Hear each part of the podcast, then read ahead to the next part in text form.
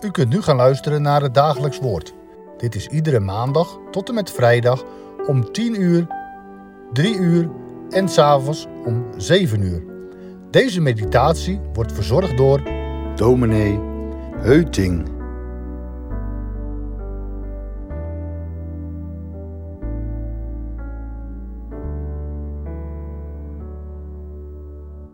Langs de slootrand zie je ze staan, ver voorovergebogen, wilgen. Om de zoveel tijd worden zij gesnoeid. Dan snijden griendwerkers alle takken weg. En daarna blijft een zielig kale boomstam over.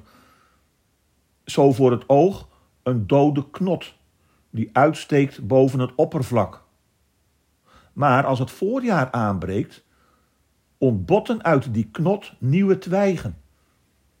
De ogenschijnlijk dode stronk herleeft. Ontluikend wonder. Zie je ze nu al in gedachten staan? Die soms ver voorovergebogen bilgen. Een typisch Hollands poldergezicht. En dit beeld rijst op als we Jesaja 11 lezen. En vandaag lezen we de versen 1 tot en met 5. Jesaja 11, vanaf vers 1. Want er zal een twijgje opgroeien uit de afgehouwen stronk van Isaï. En een lood uit zijn wortels zal vrucht voortbrengen. Op hem zal de geest van de Heere rusten, de geest van wijsheid en inzicht, de geest van raad en sterkte, de geest van de kennis en de vrezen des Heeren zijn ruiken zal zijn in de vrezen des Heren. Hij zal niet oordelen naar wat zijn ogen zien, en hij zal niet vonnissen naar wat zijn oren horen. Hij zal de armen recht doen in gerechtigheid, en de zachtmoedigen van het land zal hij met rechtvaardigheid vonnissen. Maar hij zal de aarde slaan met de roede van zijn mond, en met de adem van zijn lippen zal hij de goddeloze doden. Want gerechtigheid is de gordel om zijn heupen en de waarheid de gordel om zijn middel. We zien voor ons wat Jesaja noteert in de profetie. Je moet weten dat hij dit doet in uiterst donkere dagen van Israël.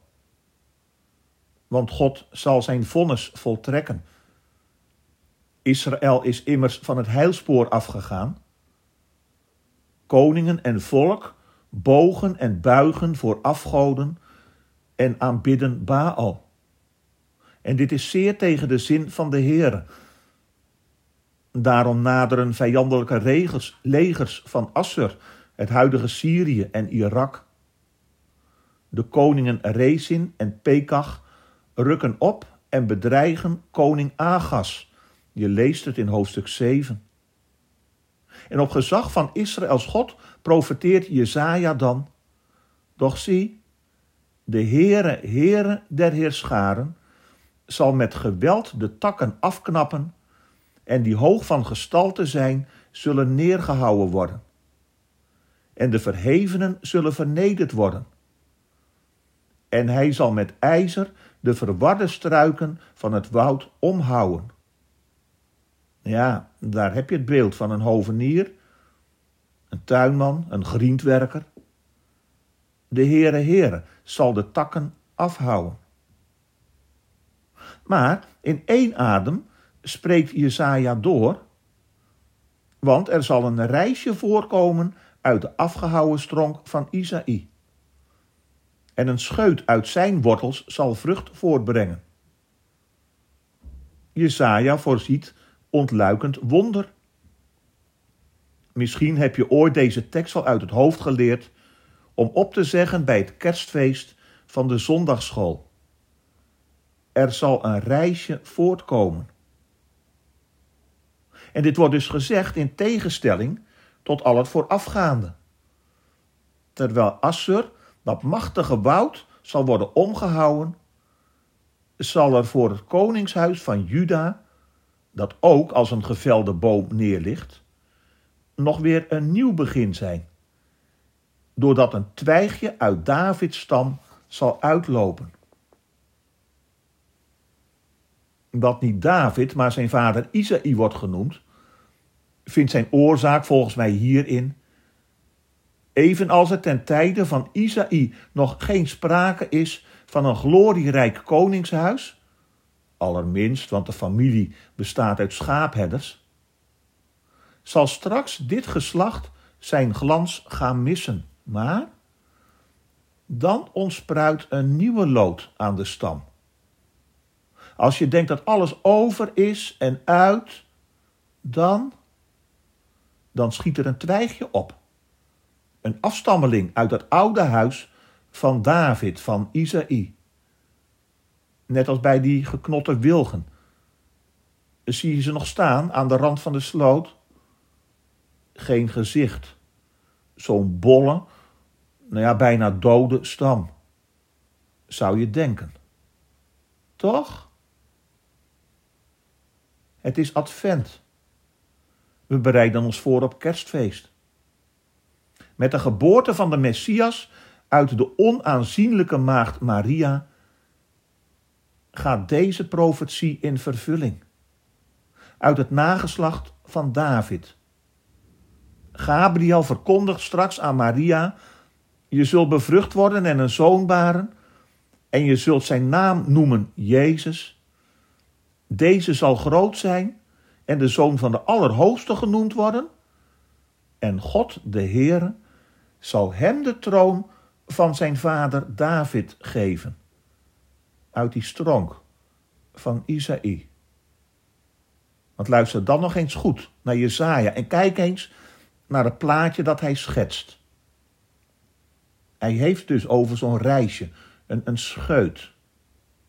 En beide woorden betekenen iets kleins, iets teders. Een twijg is immers een heel dun takje dat ook gemakkelijk afgebroken kan worden. Zo kwetsbaar. En kort en goed, zo gaat het. Want dit kind dat geboren wordt, offert zich ook helemaal op. Hij gaat ten onder. Zijn woeg, zijn weg voert van Bethlehem naar Golgotha. Maar juist in zijn ogenschijnlijke zwakte schuilt zijn kracht, kiemkracht tot leven voor zondaren. Opnieuw, ontluikend wonder. Want de Heere wekt dit tot leven. En wat een bemoediging is dat, eens voor Israël, nu voor Israël, in tijden van bedreiging en ballingschap, en zelfs voor ons, mensen uit de volken. Voor u, voor jou. Dankzij dit kind, dit twijgje, dankzij Christus, in wie deze profetie is vervuld.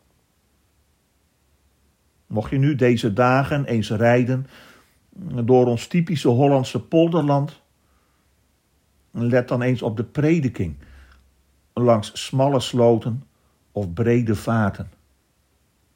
Zie je zo'n zo'n willig staan? Om de zoveel tijd wordt hij gesnoeid. En dan snijden griendwerkers alle takken weg.